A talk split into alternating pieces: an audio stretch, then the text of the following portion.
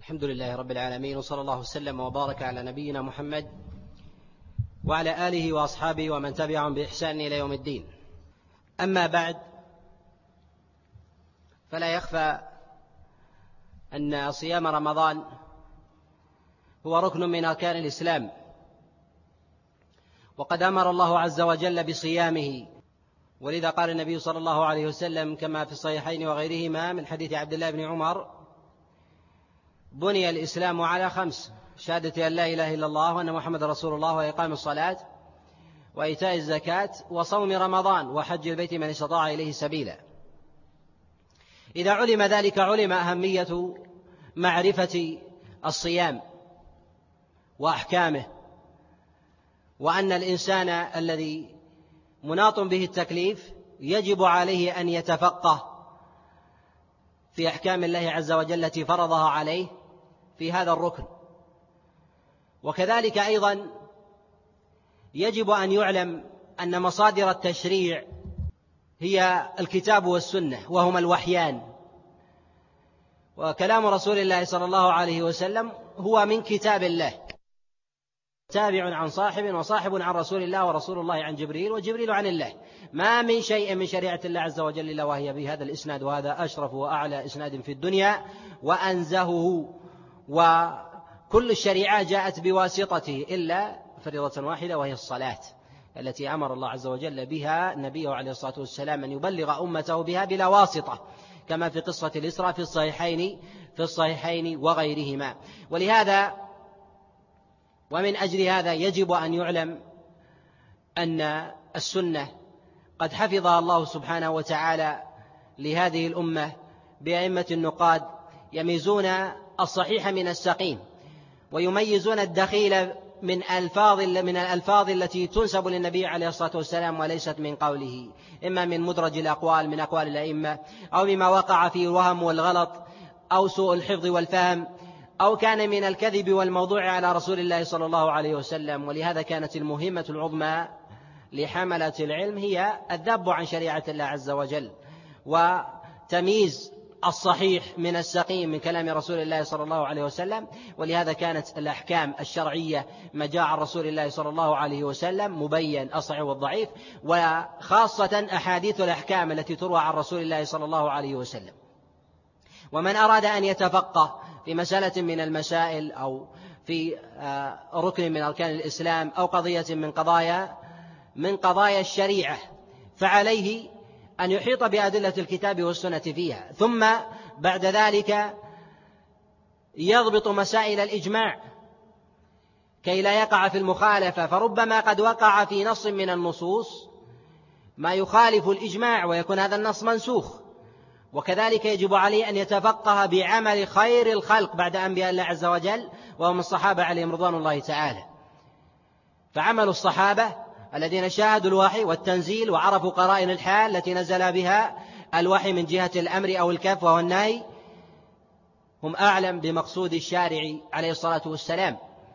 ومعرفة أقوالهم واجبة خاصة فيما كان من مسائل الإجماع. ولهذا يقول إبراهيم النخعي أي قول يريدني عن رسول الله صلى الله عليه وسلم لا يعمل به أصحاب رسول الله صلى الله عليه وسلم لا أبالي أن أرمي به عرض الحائط. ولا يعني بذلك استهانة بكلام رسول الله كلا ولكنه يعني أن ما ينسب للنبي عليه الصلاة والسلام من قول إما أن يكون قد طرأ عليه النسخ وإما أن يكون مما هو مكذوب ومختلق على رسول الله صلى الله عليه وسلم. وإما أن يكون قد ورد بصيغة فهم الصحابة منها وهم أعلم الناس بلغة العرب على خلاف ما يظهر من اللفظ. ولهذا كان ثمة صوارف للأمر بخلاف ما يطرد عليه بعض الفقهاء والأصوليين وغيرهم الذين يقول الأصل بالأمر الوجوب والأصل بالنهي التحريم ويغفلون عمل الصحابة. ولهذا يقول العلماء أن ثمة أوامر يأمر بها النبي عليه الصلاة والسلام صراحة هي محل اتفاق على أنها ليست على الوجوب. ومن تتبع ذلك يجد أن ثمة عشرات الأوامر للنبي عليه الصلاة والسلام الإجماع على أنها الاستحباب.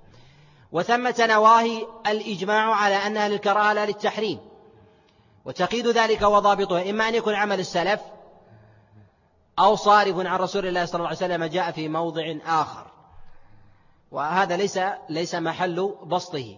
ولكن من المهم جدا على طالب العلم أن يتبصر وأن يفهم ويضبط مسائل الإجماع. وفي مسائل الصيام والفقه فيه ثمة نحو من خمسين إجماعا نقلها العلماء وجلها وجلها إجماع صحيح وبعضها مخروم وبعضها وبعضها متنازع متنازع القول فيه. فعلى طالب العلم أن يتفقه في هذا بعد تفقهه وجمعه للأدلة من الكتاب والسنة في مسائل في مسائل الصيام.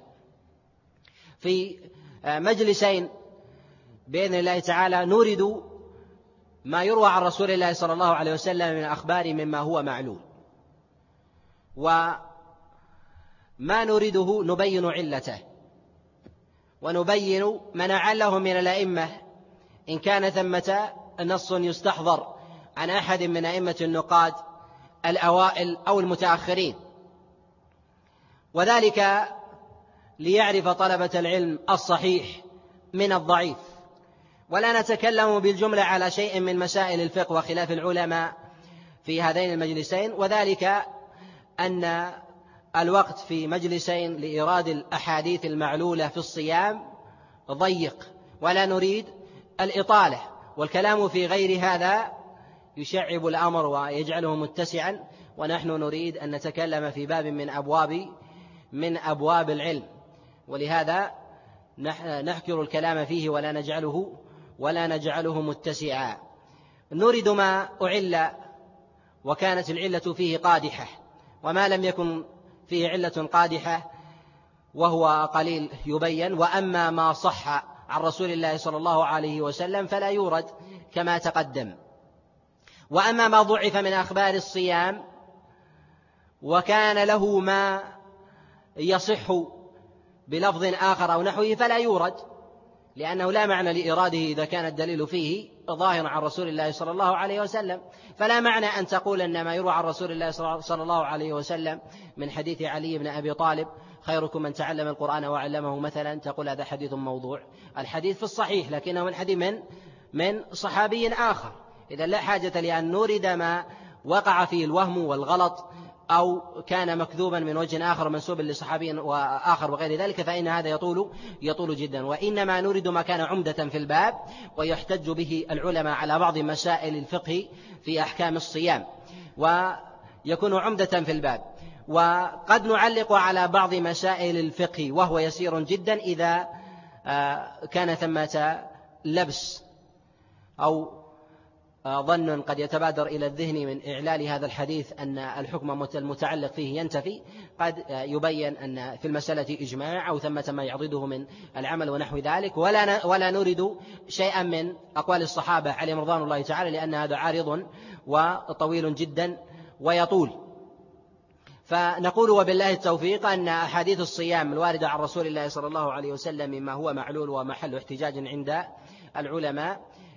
ومما هي فيها كلام وإعلال في مسائل الصيام. هي أكثر من خمسين حديثا ومدارها على نحو الثلاثين ونريدها بحسب ورود الوقت من ابتداء وقرب شهر رمضان إلى انصرامه. وما يروى عن أصحاب رسول الله صلى الله عليه وسلم أنهم كانوا يدعون الله جل وعلا ستة أشهر أن يبلغهم رمضان. فهذا لا أعلم له إسنادا يثبت عن أحد من أصحاب رسول الله صلى الله عليه وسلم وإنما هو مروي عن بعض السلف من غير ذكر الصحابة وما قد جاء من قول معل بن الفضل وجاء على الإطلاق من حديث يحيى ابن أبي كثير وجاء عند الطبراني في كتاب في كتابه الدعاء وكذلك في السنن من حديث عبادة بن الصامت موقوفا على يحيى بن أبي كثير ولا يصح إسناده. ف والعلماء يكثرون من ذكر خاصة من يتكلم على فضائل الصيام وما جاء فيه من ترغيب ونحو ذلك أن الصحابة عليهم رضوان الله تعالى كانوا يدعون الله ستة أشهر أن يبلغهم رمضان ثم يدعون الله عز وجل ستة أشهر أن أن يتقبل منهم صيام رمضان. وهذا لا يثبت عن أحد من أصحاب رسول الله صلى الله عليه وسلم. ومنها أن رسول الله صلى الله عليه وسلم إذا دخل رجب قال اللهم بارك لنا في رجب وشعبان وبلغنا رمضان. هذا الحديث قد رواه الإمام أحمد في مسنده وجاء عند بعض السنن وقد رواه أيضا البيهقي والطبراني وغيرهم. من حديث من حديث زائدة ابن أبي الرقاد عن زياد النميري عن أنس بن مالك عليه رضوان الله تعالى أن رسول الله صلى الله عليه وسلم كان إذا دخل رجب قال اللهم بارك لنا في رجب وشعبان وبلغنا وبلغنا رمضان. وعليه يعلم أنه لا يثبت في فضل رجب شيء من الاخبار عن رسول الله صلى الله عليه وسلم لا في صيام ولا في قيام. كما نص على ذلك غير واحد من الحفاظ كأبي إسحاق الهروي وكذلك نص عليه الحافظ بن حجر عليه رحمة الله تعالى وغيرهما. و من ذلك أيضا أن رسول الله صلى الله عليه وسلم قال إذا انتصف شعبان فلا تصوموا. وهذا الحديث قد رواه الإمام أحمد ورواه بعض أهل السنن من حديث العلاء بن عبد الرحمن عن أبيه عن أبي هريرة أن رسول الله صلى الله عليه وسلم قال إذا انتصف شعبان فلا تصوموا. وهذا الحديث منكر. ولا يصح عن رسول الله صلى الله عليه وسلم. قد أعله عبد الرحمن بن مهدي ويحيى بن معين فقال منكر الحديث وكذلك أعله الإمام النسائي كما في كتابه السنن فقال هذا الحديث ليس بمحفوظ. وأعله كذلك النسائي أيضا فقال لا نعرفه إلا من حديث العلاء بن عبد الرحمن عن أبيه عن أبي هريرة عن رسول الله صلى الله عليه وسلم. وأعله كذلك وأنكره الإمام أحمد فقال ما روى العلاء بن عبد الرحمن عن أبيه عن أبي هريرة عن رسول الله صلى الله عليه وسلم حديثا؟ أنكر أنكر من هذا. وعليه فإن الصيام في شعبان كان يفعله رسول الله صلى الله عليه وسلم حتى كان أنه يصوم شعبان حتى يقال حتى يقال لا يفطر وكان يفطر حتى يقال أنه لا يصوم. على هذا يدل على أن هذا الخبر منكر. ولهذا قد خالف الإمام أحمد عليه رحمة الله تعالى فعلا من جهة من جهة قوله بصيام يوم يوم الشك. وهذا مروي أيضا بإسناد صحيح عن عبد الله بن عمر عليه رضوان الله تعالى. وقرب رمضان جاء فيه جملة من الأحاديث من التهنئة به عند دخوله. وكل ما جاء في هذا الباب لا يثبت من التهنئة بدخول رمضان وبحلول شهر الصيام.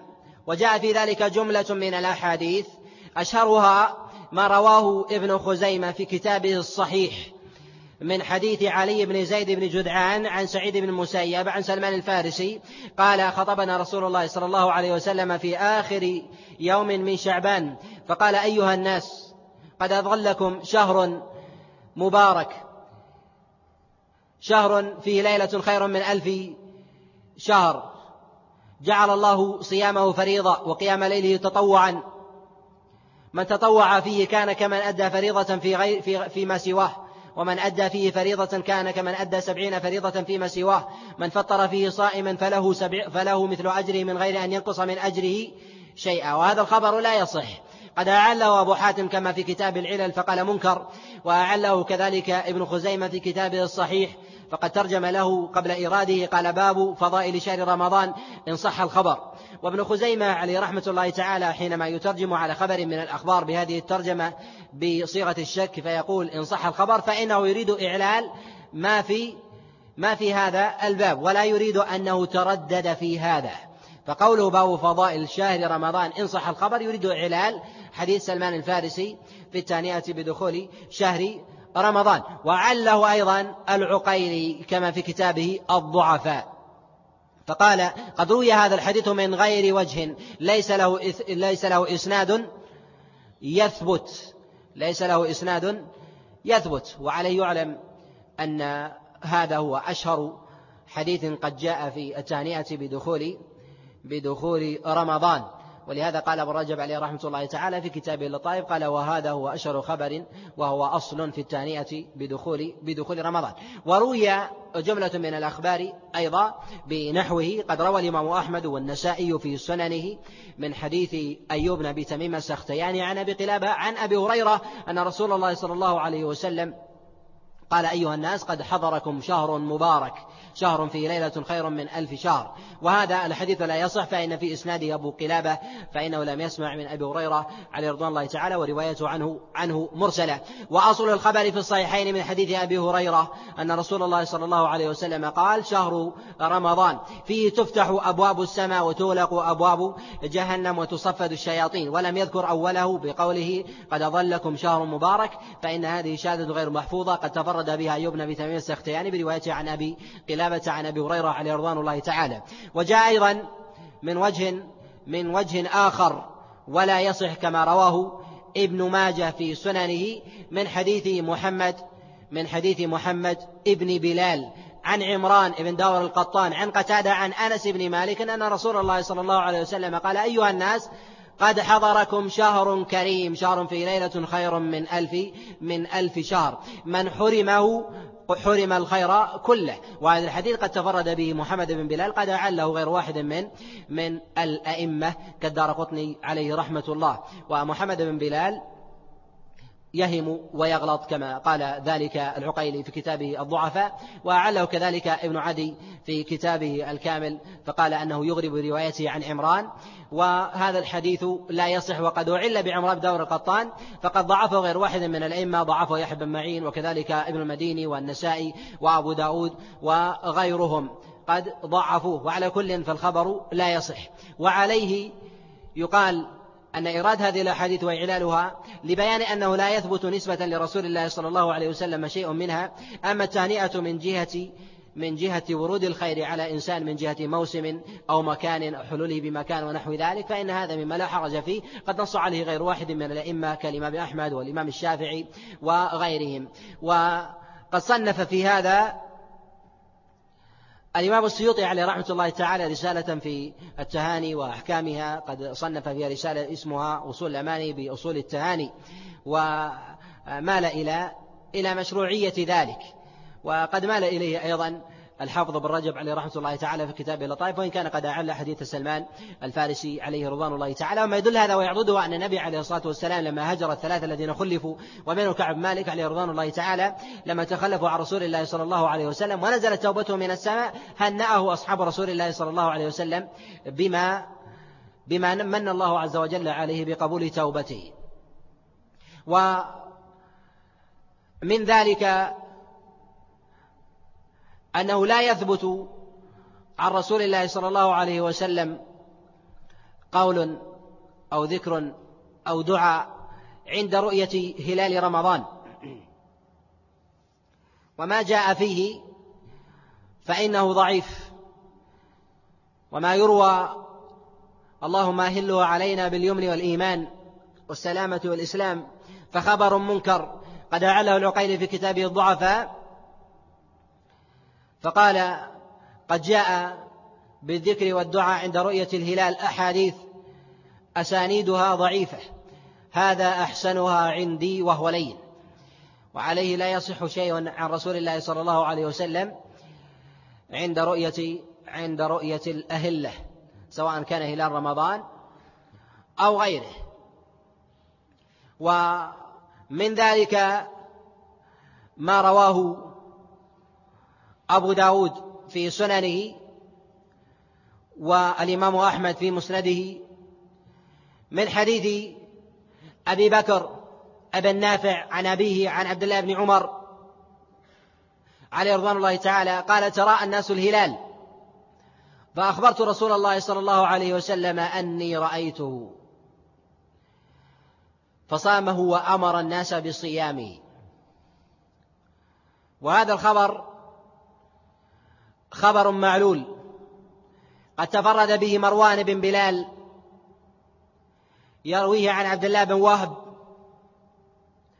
عن يحيى ابن عبد الله ابن سالم. عن أبي بكر بن نافع عن نافع عن عبد الله بن عمر. ولا يصح إسناده. ومروان بن بلال قد تفرد بروايته. ولا يحتمل منه هذا التفرد. قد نص على تفرده الدار قطني عليه رحمة الله تعالى في سننه وكذلك الإمام البيهقي في كتابه في كتابه السنن. قد أعل أعل هذا الخبر. ومروان ابن محمد ينفرد ويغرب ولا يحتج بما انفرد به. وقد أعله بعضهم بيحيى بن عبد الله بن سالم وقيل أنه قد ضعفه يحيى بن معين وصواب أن يحيى بن عبد الله بن سالم أنه مستقيم الحديث.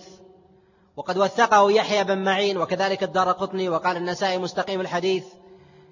وغاية ما جرح به قول ابن حبان أنه أنه يغرب. ولكن الحديث معلول معلول بغيره. وقد جاء أيضا ما يعضده من في السنن قد رواه الإمام أحمد وأبو داود والترمذي والنسائي. ولكنه لا يصح أيضا فلا يصلح فلا يصلح شاهدا له. من حديث سماك بن حرب عن عكرمة عن عبد الله بن عباس عليه رضوان الله تعالى أن أعرابيا جاء إلى رسول الله صلى الله عليه وسلم فقيل إنه قد رأى الهلال. فقال النبي عليه الصلاة والسلام تشهد أن لا إله إلا الله وأن محمد وأني رسول الله. قال نعم. قال فصامه وأمر الناس بالصيام. وهذا الخبر لا يصح.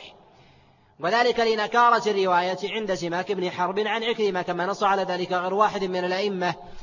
كعلي بن المديني والدار قطني وأحمد العجلي وغيرهم. وسماك بن حرب في روايته عن عكرمة على ثلاثة أحوال. أولها ما يرويه سماك بن حرب عن عكرمة عن عبد الله بن عباس وينفرد بروايته فإنه لا يحتمل منه ذلك. ومنها هذا الخبر ولهذا قد أعله عامة الأئمة. وقد أعله الإمام أحمد عليه رحمة الله تعالى والدار قطني وكذلك ابن المديني وأحمد العجلي وغيرهم. الحالة الثانية ما يرويه سماك بن حرب عن عكرمة عن عبد الله بن عباس ويرويه قدماء وأصحابه كشعبة بن الحجاج وسفيان الثوري وأبي الأحوص. فإن هؤلاء إنما يحملون من حديث سماك بن حرب عن عكرمة أمثل ما يرويه وما ضبطه. ولهذا يقبل ما رواه. وهذا الحديث قد خالف سفيان الثوري ما من رواه عن سماك بن حرب عن عكرمة فرواه سفيان الثوري عن سماك بن حرب مرسلا عن رسول الله صلى الله عليه وسلم أن أعرابيا جاء إلى رسول الله صلى الله عليه وسلم فأخبره أنه قد رأى الهلال. وهذا الأرجح في رواية سفيان كما نص على ذلك النسائي والدار قطني. والحالة الثالثة ما يرويه سماك بن حرب عن عكرمة عن غير عبد الله بن عباس وهذا الأصل فيها الصحة. ومن ذلك ما رواه النسائي والدار قطني من حديث سماك بن حرب عن عكرمة عن عائشة عليه رضوان الله تعالى أن النبي عليه الصلاة والسلام دخل عليها و فقال أعندك طعام فإني أصبحت صائما؟ فقالت لا فقال إني صائم وهذا الحديث قد صحه النسائي والدار قطني وغيرهم وعليه يعلم أن الأئمة عليهم رحمة الله تعالى حينما يعلون طريقا من الطرق قد اشتهر آه، قد اشتهر بروايته جملة من الأحاديث فإنهم يلحقون بهذا الطريق. وقد تكون العلة بهذا الراوي المنصوص في هذا الطريق وقد تكون العلة بمن يروي بمن يروي عنه كما في هذه الحال.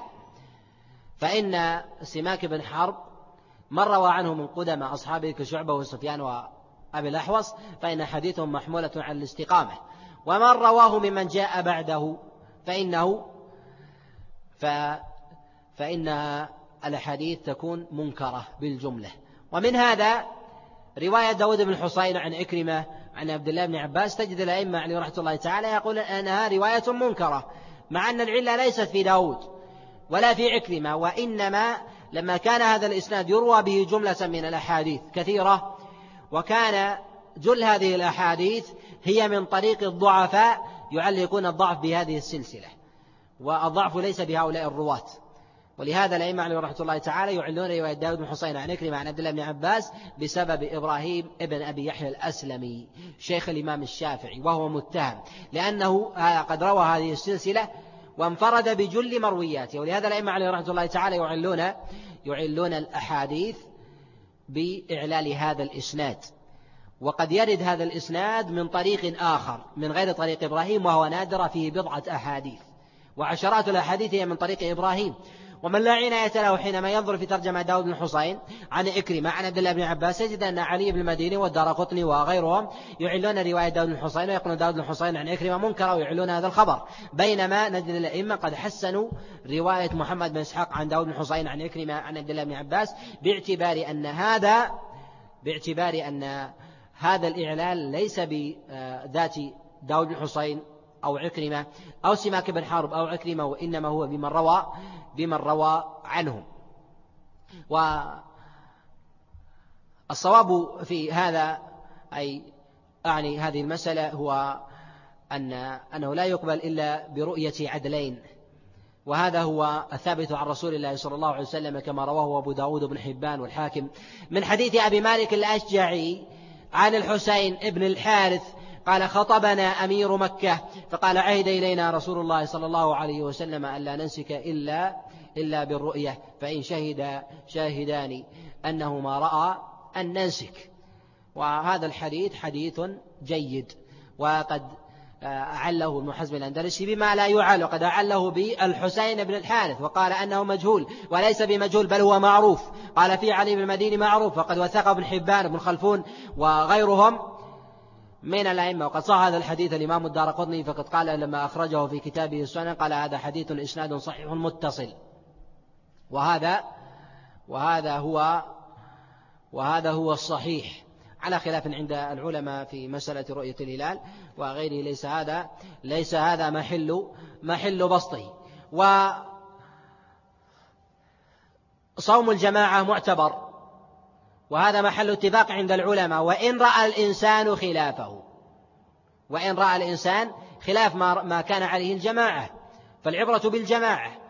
وإن كان قد روي في هذا حديث معلول عن رسول الله صلى الله عليه وسلم وهو صومكم يوم تصومون وفطركم يوم تفطرون وأضحاكم يوم يوم تضحون. فقد رواه الإمام الترمذي في سننه فقد رواه الإمام الترمذي في سننه من حديث عبد الله بن جعفر عن عثمان بن محمد عن سعيد المقبري عن أبي هريرة عليه رضوان الله تعالى به وقد رواه أبو داود في السنن من حديث حماد بن زيد عن أيوب بن تميم السختياني عن محمد بن المنكدر عن أبي هريرة ورواه ابن ماجه في سننه من حديث حماد بن زيد عن أيوب عن محمد بن سيرين عن أبي هريرة. وفي إسناده في إسناده اضطراب إلا أن هذا محل اتفاق محل اتفاق عند عند العلماء. ومسألة آه، اختلاف المطالع في البلدان واعتبارها فإن العلماء يعتبرون اختلاف المطالع وهذا ثابت مروي عن جماعة من السلف كعبد الله بن عباس وغيره. إلا إلا أن المراد أهل بلد بذاتهم. أهل بلد أهل بلد بذاتهم. والعلماء يعتدون في المطالع اختلاف المطالع إلا في مسألة واحدة ويتفقون فيها ويجب كل من كان من غير أهل البلد أن يعتد بمطلع هذا البلد. وهذه المسألة هي مسألة شهر ذي الحجة. العلماء يتفقون على أن المطلع واحد وأن يقتدى بمطلع مكة. وذلك أن فيه يوم عرفة. والآفاق الذي قد خرج مطلعه في غير مطلع أهل مكة. يجب عليه أن يعتد بمطلعهم. وهذا محل اتفاق محل اتفاق عند العلماء أنه يعتد بمطلع هذا البلد. وما عدا ذلك من جهة من جهة دخول الصيام وانصرامه ودخول عيد الفطر سائر الأشهر فإن هذا محل محل محل سعة. وما جاء عن رسول الله صلى الله عليه وسلم من الإلزام من تبيت النية بالليل في صيام رمضان فلا يثبت. والصواب في الوقف. عن عبد الله عن عبد الله بن عمر عليه رضوان الله تعالى. هذا الحديث قد رواه الإمام أحمد وأبو داود والترمذي والنسائي وابن ماجه من حديث عبد الله بن أبي بكر عن الزهري عن سالم بن عبد الله بن عمر عن عبد الله بن عمر عن حفصة عن رسول الله صلى الله عليه وسلم أنه قال لا صيام لمن لم يبيت النية من الليل وفي رواية لا لا صيام لمن لم يبيت النية قبل الفجر وفي رواية من لم يبيت النية قبل الفجر فلا صيام له.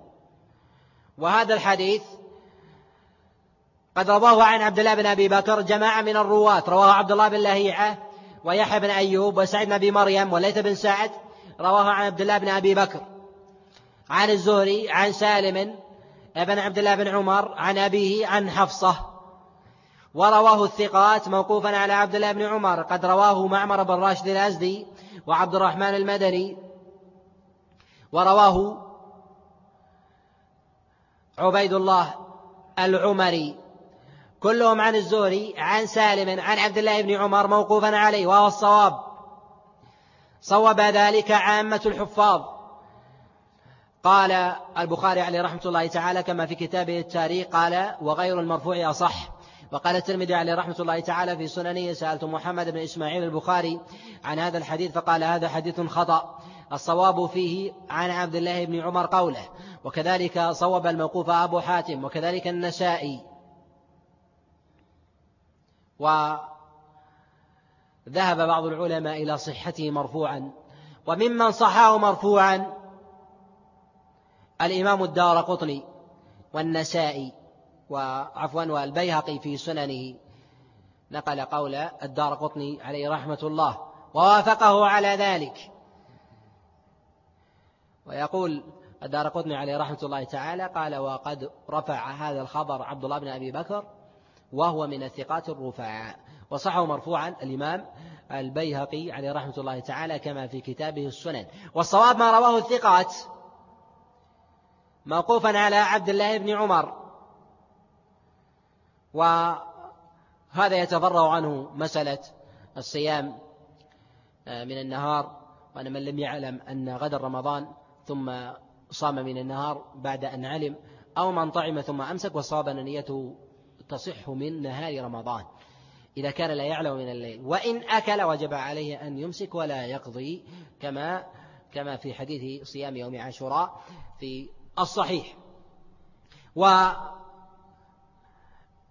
وجاء عن رسول الله صلى الله عليه وسلم في مسألة الطعام عند الفجر عند الأذان أو بعده قبل الصلاة ولا يثبت من ذلك شيء. والله عز وجل قد أمر بالإمساك حال تبين الخيط الأبيض من الخيط الأسود من الفجر وأمر بأن يتم الصيام إلى الليل.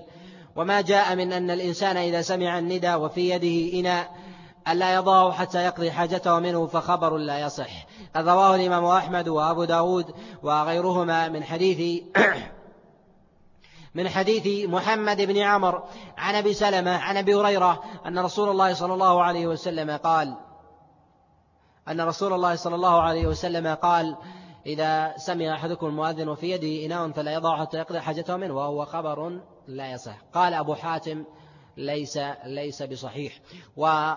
وذلك لمخالفة الصريحة لما جاء عن رسول الله صلى الله عليه وسلم من المبادرة بالإمساك. وروي في هذا جملة من الأخبار واهية لا تثبت. من ذلك ما رواه الإمام أحمد من حديث عبد الله بن لهيعة عن أبي الزبير عن جابر بن عبد الله أنه سئل في الرجل يسمع المؤذن وفي يده إناء قال سمعنا عن رسول الله صلى الله عليه وسلم أنه قال يشرب وهذا الحديث بإسناد عبد الله بن لهيعة وهو ضعيف.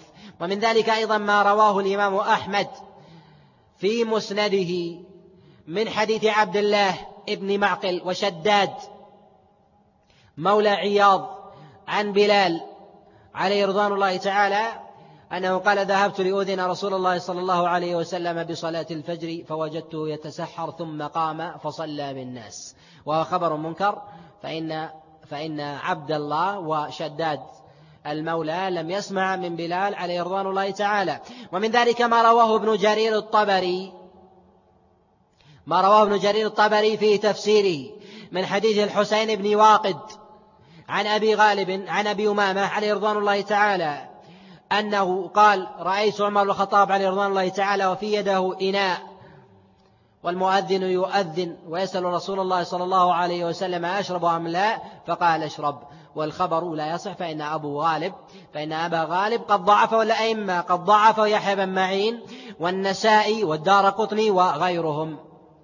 ومن ذلك ما رواه العقيلي وغيره من حديث الحسين من حديث الحسين أو من حديث من حديث توبة ابن الربيع عن أنس بن مالك عليه رضوان الله تعالى أن النبي صلى الله عليه وسلم قال انظر من بالمسجد. قال فذهبت فنظرت فإذا هو أبو بكر وعمر.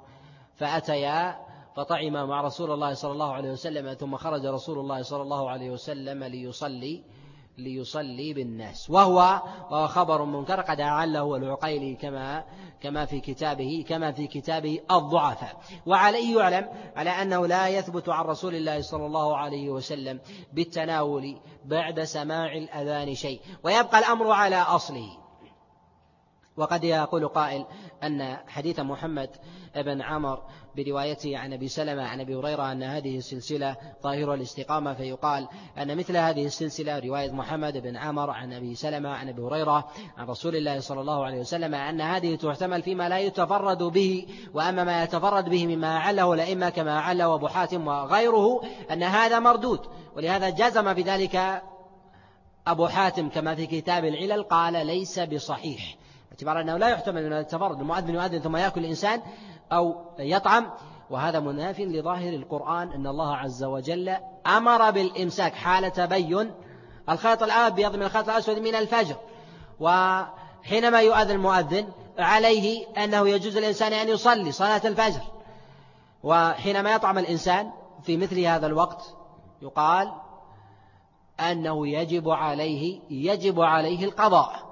يجب عليه القضاء. ويفتي جماعة من الفقهاء من الحنابلة وكذلك من الفقهاء من المالكية وغيرهم على على جواز الشرب عند سماع الأذان أو بعيده.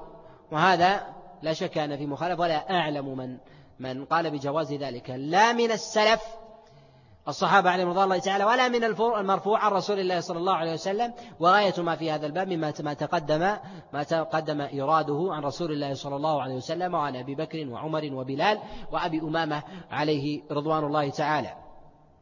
ومن ذلك من هذا أن رسول الله صلى الله عليه وسلم حث على فعل الخير في نهار رمضان. ومن جملة ذلك يدخل فيه تفطير الصائمين. يدخل من جملة أعمال البر. إلا أن هذا العمل لا يثبت فيه خبر بخصوصه.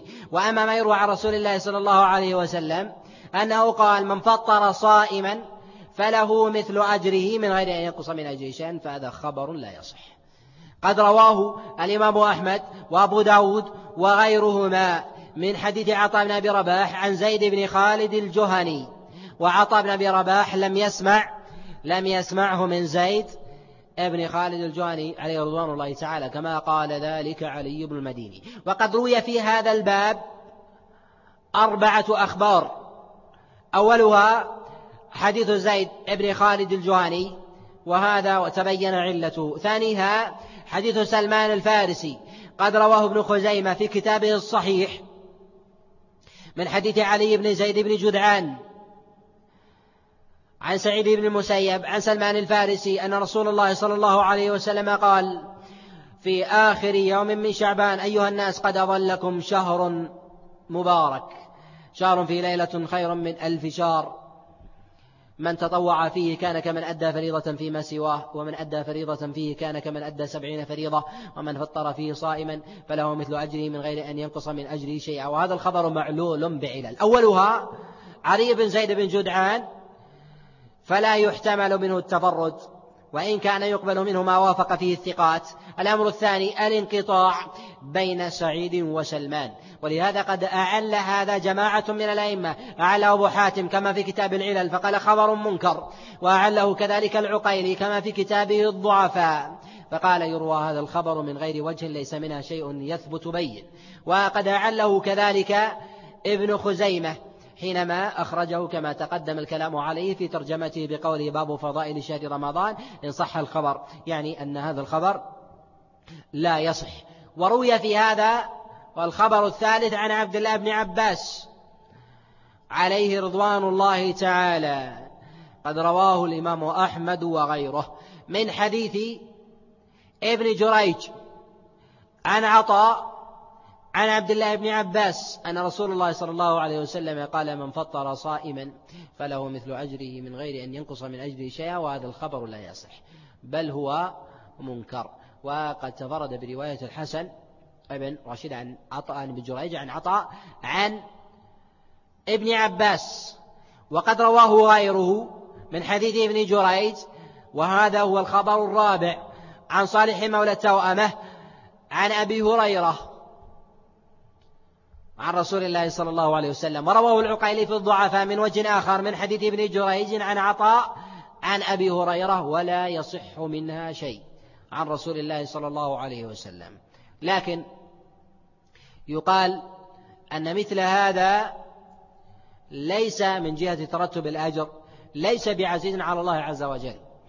فإذا كان قد ثبت عن رسول الله صلى الله عليه وسلم كما في الصحيح من حديث زيد بن خالد الجهني. أن النبي عليه الصلاة والسلام قال من جهز غازيا فقد غزا. بمعنى أنه قد جاهد في سبيل الله وذهب إلى الثغور وقاتل وجالد الأعداء. ومعلوم أن الجهاد من أعلى مراتب الطاعات. وقد سئل رسول الله صلى الله عليه وسلم كما في الصحيح أي العمل أفضل؟ قال إيمان بالله ورسوله. قيل ثم أي قال جهاد في سبيل الله. والمجاهد يغفر له كل ذنب. قد اقترفته يمينه إلا الدين. لعلو ما وصل إليه من منزلة. ولهذا يقول الله عز وجل ومن يقاتل في سبيل الله فيقتل أو يغلب فسوف نؤتيه أجرا عظيما. فسوف يؤتى هذا الأجر من جهز هذا الغازي سواء كان غنيا من جهز أو فقيرا ونحو ذلك وهذا فضل الله عز وجل يؤتيه من يشاء. فإذا كان هذا ترتب للإنسان من جهة من جهز غازيا في سبيل الله آتاه ذلك الله عز وجل ذلك الأجر بتمامه فكيف؟ فكيف بما دونه؟ دونه من جهة من جهة الطاعات. وإن كان يعلم أن أن الفرائض أنها أعظم أن أنها أعظم من النوافل من جنسها كذلك لا يقارن نافلة نافلة من عبادة أخرى بنافلة بفريضة من غير جنسها. وهذا معلوم. فمعلوم أن التسبيح مثلا في الصلاة فريضة مثلا في السجود أو في الركوع أمر الله عز وجل به. قاعدة يقول العلماء أن الفرائض أعظم أجرا من النوافل. نقول يجب أن يقيد هذا بقوله من جنسها. بمعنى أننا نقول هل نقول أن الله عز وجل حينما أمر الإنسان أن يسبح في سجوده فيقول سبحان الله أنه أفضل من نافلة الجهاد في سبيل الله باعتبار أن هذه نافلة وهذه فريضة أو أنها أفضل من صيام النهار كله نقول لا نقول أن هذا التفضيل لا بد من تقييده بجنسها. فيقال أن النافل أن الفريضة أفضل وأعظم أجرا من النافلة مما هو من جنسها. كذلك فإن النوافل يتفاوت من جهة من جهة الأجر. وإن كان حديث تفطير الصائم حديث زيد بن خالد بخصوصه وهو المشهور الذي قد رواه الإمام أحمد وأبو داود من فطر صائم فله مثل أجره الذي يظهر لي والله أعلم أنه خبر وهم الراوي في متنه. فقلب متنه والصواب أنه ليس المراد تفطير الصائم وإن المراد به تجهيز الغازي ولهذا اعتمده البخاري عليه رحمة الله تعالى في الصحيح بقوله من جهز غازيا من جهز غازيا فله فله مثل أجره من غير أن ينقص من أجره شيئا. ويتفرع عن هذا مسألة ما ما يتكلم فيه العلماء عليهم رحمة الله تعالى من جهة آه، هل يحصل الإنسان من أجل تفطير الصائم بإطعامه مذقة لبن أو أو تمر أو شربة ماء ونحو ذلك وحمل لفظ من فطر على المبالغة وهو التكثير ونحو ذلك. يقال أن الخبر لا يصح فيبقى الإنسان على أصله أن الله عز وجل يؤتيه يؤتيه أجرا إن أعان الإنسان على صيام. ولكن هنا مسألة يحسن إرادة وإن كان لا تعلق لها بإعلال هذا الخبر وهو إذا قلنا أن المسألة على الإطلاق. أن المسألة على إطلاقها ولا يثبت فيها خبر عن رسول الله صلى الله عليه وسلم بخصوصه. هل يلحق ذلك من سحر صائما حتى يستعد لصيامه؟ نقول هذا يلحقه بل قد يقال أنه هو الأولى من جهة الأصول لأن فيه إعانة لأن يستقبل بخلاف من ختم من ختم عمل العامل بإعانة بخلاف من أعانه في ابتداء أمره فإن النصوص جلها قد تأتي, تأتي عن رسول الله صلى الله عليه وسلم في من أعان في ابتداء الأمر لا من أعانه بعد انتهاء انتهاء الأمر وإن كان بعد انتهاء الأمر قد جاءت الأدلة فيها كثيرة عن رسول الله صلى الله عليه وسلم كما في آه، كلام النبي عليه الصلاة والسلام في مسألة في مسألة إعانة المهاجرين لما جاءوا إلى إلى إلى المدينة وجعل النبي عليه الصلاة والسلام لمن أعانهم من الفضل والمزية والمنقبة مما لا يخفى. ومن الأحاديث أيضا ما رواه البخاري ومسلم من حديث أبي حازم عن سهل أبن سعد أن رسول الله صلى الله عليه وسلم قال لا تزال أمتي بخير ما عجلوا الفطرة. هذا حديث في الصحيحين ولا غبار عليه. لكن ثمة رواية أو زيادة آه، تزاد في بعض الألفاظ ولا تزال أمتي بخير. ما عجلوا الفطرة وأخروا السحور. فزيادة أخر السحور لا أصل لها وهي زيادة زيادة منكرة لا تثبت. وإن كانت الخيرية بتأخير السحور وقد آه، جاء عن رسول الله صلى الله عليه وسلم وعن جماعة من الصحابة بجملة من الأحاديث في في كثير منها في كثير منها كلام. ولكن إضافة هذا في حديث رسول الله صلى الله عليه وسلم لا تزال أمتي بخير ما عجلوا ما عجلوا الفطر وأخروا السحور فهذه الزيادة زيادة منكرة لا تثبت لا تثبت في هذا الخبر. والأصل في السحور أن يكون متأخرا ولهذا يسمى يسمى سحرا. من خفائه فإن الناس حينما يريدوا أن يسروا بأمر إما بغزو أو خديعة أو اللصوص ونحو ذلك فإنهم فإنهم يختبئون في آخر الليل ويسمى سحر لخفائه ولهذا يسمى السحر سحرا لخفائه ولطف سببه ويسمى السحر وهو مجرى الطعام في الإنسان ولهذا تقول عائشة عليه رضوان الله تعالى كما في الصحيح توفي رسول الله صلى الله عليه وسلم بين سحري ونحري يعني بين مجرى الطعام لأنه لا يرى ويقول العرب تسمى رئة الإنسان سحرا لأنه الإنسان يتنفس بها وتقوم بها حياته ومع ذلك ومع ذلك لا ترى. ومن الأحاديث عن رسول الله صلى الله عليه وسلم في الصيام ما جاء عن رسول الله صلى الله عليه وسلم من استحباب الجماعة في قيام الليل. وقد جاء في ذلك جملة من الأخبار عن رسول الله صلى الله عليه وسلم جلها ضعيفة وأمثلها ما جاء في المسند والسنن عند أبي داود وغيره أن رسول الله صلى الله عليه وسلم قال من صلى مع إمامه حتى ينصرف كتب له كتب له قيام ليلة. هذا الحديث حديث صحيح ولكن قد يقول قائل فما معنى إراده هنا؟ والمقصود هو الإعلال. يقال أن كلام النبي صلى الله عليه وسلم في تفضيل صلاة الجماعة في قيام رمضان لا يعني عدم تفضيل قيام رمضان للمصلي لوحده. ولهذا قد روي عن غير واحد من السلف استحباب صلاة قيام الليل وحده وإن لم يجد جماعة. وعليه من صلى قيام الليل وحده كما يصليها الإمام في المسجد. هل يقال أنه لا يتحقق له قيام ليلة؟ لا يقال ذلك. وعليه فإن قول النبي عليه الصلاة والسلام بتفضيل قيام الليل مع الإمام لا يعني جعله أفضل من قيام الإنسان وحده. وإنما هذا هو بيان لهذا الفضل. فإذا كان الإنسان يغلب على ظنه أنه إن انفرد وحده أبعد للخشوع ونحو ذلك فإن صلاته مع الإمام أفضل وأعظم أجرا. وإذا كان وأن وإذا كان يغلب على ظنه أنه إن صلى وحده أدعى للخشوع وأطول للصلاة فالفضل باقي. وفضله وفضله باقي. لا فرق بين بين هذا بين هذا وهذا بين صلى بين صلى مع الإمام. ولهذا قد ذهب عبد الله بن عمر عليه رضوان الله تعالى وغيره وذهب للإمام مالك ومروي عن الإمام أحمد عليه رحمة الله تعالى إلى أفضلية صلاة المنفرد في قيام في قيام الليل. وإن كان الذي عليه عمل السلف من الصحابة وأشهرها عمر بن الخطاب عليه رضوان الله تعالى ومن جاء ومن جاء بعده من الخلفاء بإقامة صلاة التراويح جماعة.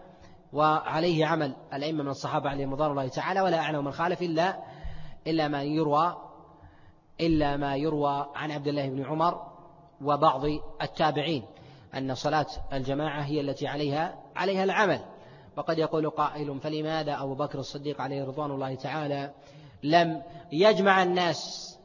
إذا كان العلة من ذلك النبي عليه الصلاة والسلام لم يرد أن يشق على أمته فتنزل فتكون فريضة عليهم. يقال أن أبو بكر الصديق عليه رضوان الله تعالى لما توفي رسول الله صلى الله عليه وسلم اشتغل بقتال المرتدين وما كان في رمضان في المدينة حتى يجمع الناس بل كان يبعث الصحابة عليهم رضوان الله تعالى إلى الآفاق ليقاتلوا ليقاتلوا من ارتد من ارتد من العرب. وثمة جملة من الأحاديث عن رسول الله صلى الله عليه وسلم في ابتداء الصيام ومسألة الفطر في الإفطار على أو الدعاء عند الفطر والإفطار على تمر ورطب وبعض المفطرات ونحو ذلك يأتي الكلام عليها لأن أكثرها لا تخلو من خمسة طرق أو أو نحو ذلك. لكن ثمة أمر وهو نشير إليه أن ما جاء عن بعض الصحابة عليهم رضوان الله تعالى مما هو يثبت مما يخالف النص صراحة في أحكام الصيام أظهرها مخالفة ما جاء عن أبي طلحة عليه رضوان الله تعالى من أكله للبرد في نهار في نهار رمضان. هذا وإن كان إسناده صحيح إلا أنه لم يعمل به. كما نص على ذلك ابن رجب عليه رحمة الله كما في كتابه العلل. فقال لم يعمل به أحد أحد من الأئمة. فأبو طلحة لما أكل البرد وهو صائم وقيل له في ذلك فقال فقال إنه إنه بركة. حمله بعضهم على أن على أن أبا طلحة يرى أن الفطر أن الفطر بأكل البرد لا يتحقق. يقال إذا كان هذا هو المقصود فهذا لم يقل به أحد من الأئمة. على الإطلاق وهو قول شاذ لا يعول عليه مخالف لجوهر الإمساك وهو لجوهر الصيام وهو الإمساك. فأصل رمضان وفرضه هو الإمساك عن الطعام والشراب وهذا مخالف لجوهره ولكن ثمة آه، مخرج لمثل هذا وأن يقال إن كان النبي عليه الصلاة والسلام ما يرد عنه من أخبار إذا لم يعمل بها الصحابة عليهم رضوان الله تعالى يقال إما أن تكون منسوخة أو يكون قد دخل عليها الوهم والغلط ودخل عليها آه، الزيادة والنقصان أو الكذب على رسول الله صلى الله عليه وسلم. كذلك عن الصحابة من باب أولى. فنقول أن قول أن قول أبي طلحة عليه رضوان الله تعالى في آه، فعل أبي طلحة أنه أكل برد في نهار رمضان وقوله أن هذا بركة. يظهر لي والله أعلم أن أكل أبي طلحة للبرد في نهار رمضان أنه لا يريد أن البرد يفطر وإنما في حال صيامه وإنما أكله للبرد أراد به قطع صيام نافلة. ولهذا من نظر إلى الطرق التي جاءت فيها الحديث حديث آه، رواية أبي طلحة رضي الله تعالى أنه كان يأكل برد. يجد أن في جلها ليس فيها ذكر رمضان وإنما أكل البرد وهو صائم. والنبي عليه الصلاة والسلام كان يتبرك بالماء الذي ينزل من السماء وكان يحسر عن رأسه ويقول إنه حديث عهد بربه. وروي من حديث أبي بكر ولا يصح أن رسول الله صلى الله عليه وسلم أكل البرد وقال بركة. وروي هذا عن بعض الصحابة عليهم رضوان الله تعالى وفي أسانيدها كلام. على كل يقال أن الأصل متقرر. النبي عليه الصلاة والسلام كان يتبرك بما ينزل من السماء من مطر وأنه حديث عهد بربه. إذا فقول أبي طلحة وهو الصحابي الجليل وهو صحابي بدري. الأمر الثاني أنه عربي قح وليس وليس بأعجمي. يبعد أن يخالف في مثل هذا. وعليه يؤول قوله قوله أنه بركة أنه حال أكله لهذا البرد. وهو صائم أن استنكار من استنكر عليه أنه لماذا تقطع صيامك وأنت صائم بأكل البرد؟ فقال إنه بركة أي أنني أقطع الصيام لبركة البرد. نقول فإذا كان النبي عليه الصلاة والسلام قد استعجل فحسر عن رأسه ليصيبه ما نزل من السماء. فقال إنه بركة. كذلك أيضا. ومعلوم أن أن الناس في حال نزول المطر يحبسون الماء في الأواني ونحو ذلك ليشربوا منه ونحو ذلك. والنبي عليه الصلاة والسلام حسر عن رأسه وما انتظر مع أنه بإمكانه أن يأخذ ما في ما في الآبار وما في البرك وما في الأودية مما وهو أصله من السماء. حتى يضع النبي عليه الصلاة والسلام على رأسه وإنما اكتفى النبي عليه الصلاة والسلام أن بادر بأن يصيبه ما نزل من السماء فقال إنه حديث عهد بربه فكيف ببرد يزول ولا يمكن الإنسان حبسه؟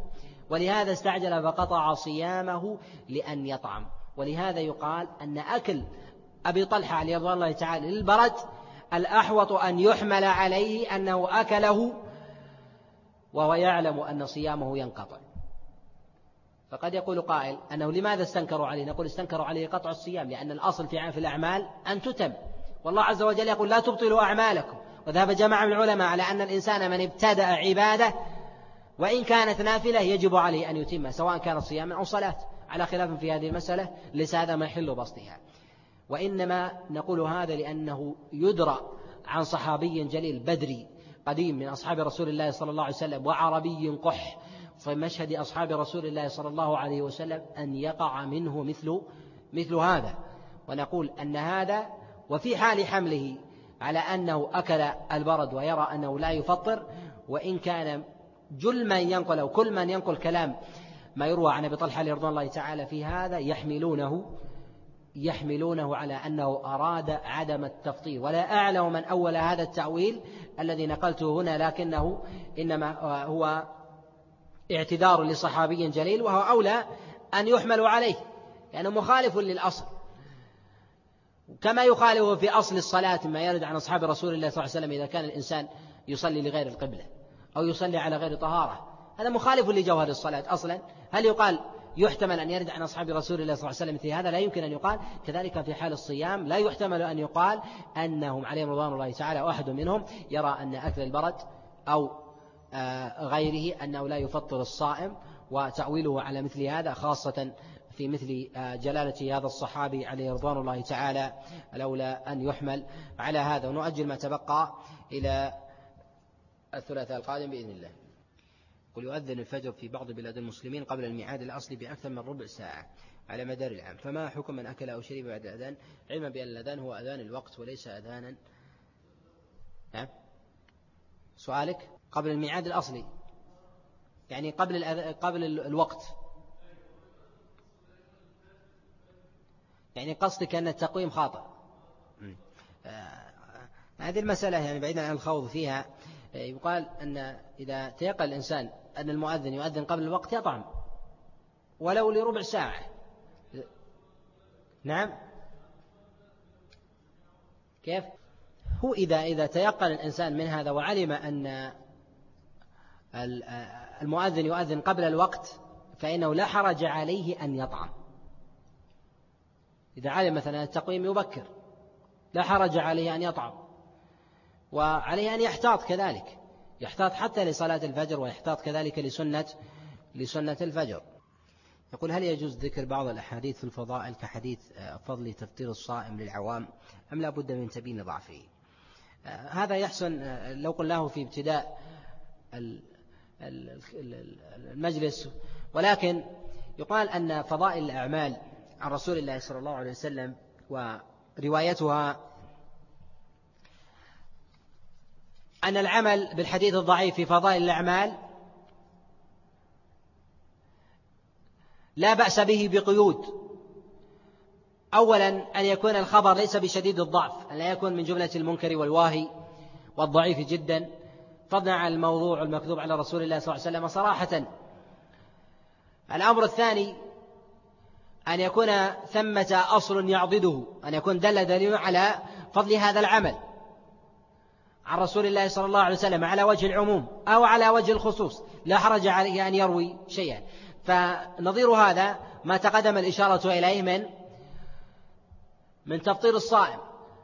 فالنصوص عن رسول الله صلى الله عليه وسلم بإطعام الطعام والإحسان إلى الفقير وغير ذلك أحاديث كثيرة عن رسول الله صلى الله عليه وسلم إلى درجة التواتر. فلا حرج على الإنسان أن يحدث بهذا أن يحدث بهذا بهذا الحديث ترغيبا للناس بالإحسان والصدقة ونحو ذلك خاصة أن ضعف أن الضعف ليس ليس بالذي يطرح الحديث وإنما هو انقطاع بين عطاء وزيد بن خالد الجهني عليه رضوان الله تعالى. كذلك الشرط الثالث هو أن يروي الحديث ولا يكون جازما بأن النبي عليه الصلاة والسلام قد تلفظ به. إما أن يروي بصيغة التمريض ونحو ذلك من غير من غير جزم. ولا يلزمه أن يبين أن يبينه للعوام أن هذا الخبر ضعيف. إذا بين هذا الخبر ضعيف ما استفاد أصلا. لأنه يريد الترغيب وحث الناس والحديث ضعفه يسير وأصله قد دل عليه الدليل وهو محتمل الصحة فتضعيف تضعيفنا للأحاديث التي نقولها هنا نرى أنه الصواب لكنه محتمل للخطأ قد يكون قد يكون نخالف نخالف الخطأ فقول علي بن المديني أو قول البخاري ليس وحيا منزلا من الله عز وجل حاسم وإنما هو هو بالجملة وفي الأغلب أنه أنه صواب لأنه أئمة أئمة نقاد عليهم رحمة الله. وهذا الذي أعني رواية الحديث فضائل الأعمال بهذه القيود هو الذي عليه عمل عامة النقاد كيحيى ابن معين ويحيى بن سعيد وعبد الرحمن بن مهدي وأحمد بن حنبل وغيرهم. ولا أعلم من منع من رواية الحديث الضعيف في فضائل الأعمال بهذه القيود إلا ما يروى عن يحيى ابن معين عليه رضوان الله تعالى وقولهم ليس ليس بذاك الصريح. ليس بذاك الصريح كما نقله عنه يعقوب في تاريخه. والصواب أنه أنه يجوز أن يرويه في في فضائل الأعمال.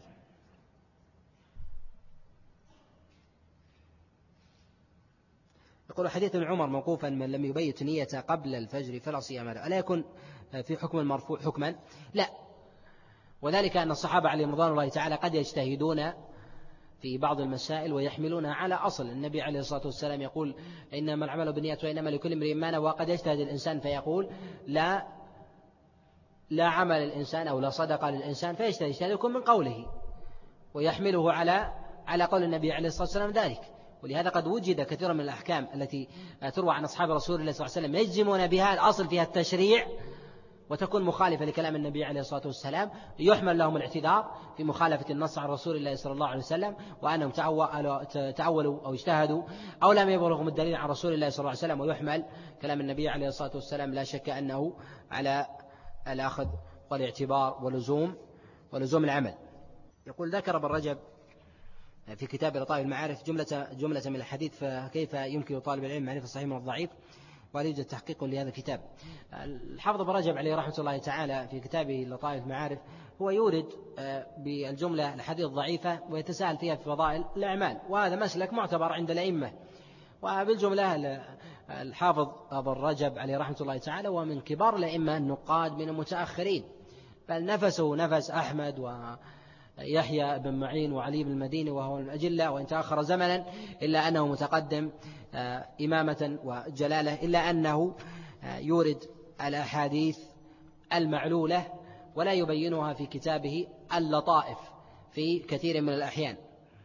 ولا يضر سكوته لا يضر لأنه آه، لأنه لأن ما يريد من الأحاديث هي في فضائل الأعمال لا في الأحكام. يقول هل يثبت شيء في صيام يوم الخميس؟ يأتي الكلام عليه واختصارا لا يثبت فيه شيء وعدم ثبوت ولا يدل على عدم العمل. يقول ما صحة حديث أن ليلة النصف من شعبان ترفع فيه الأعمال؟ لا يصح.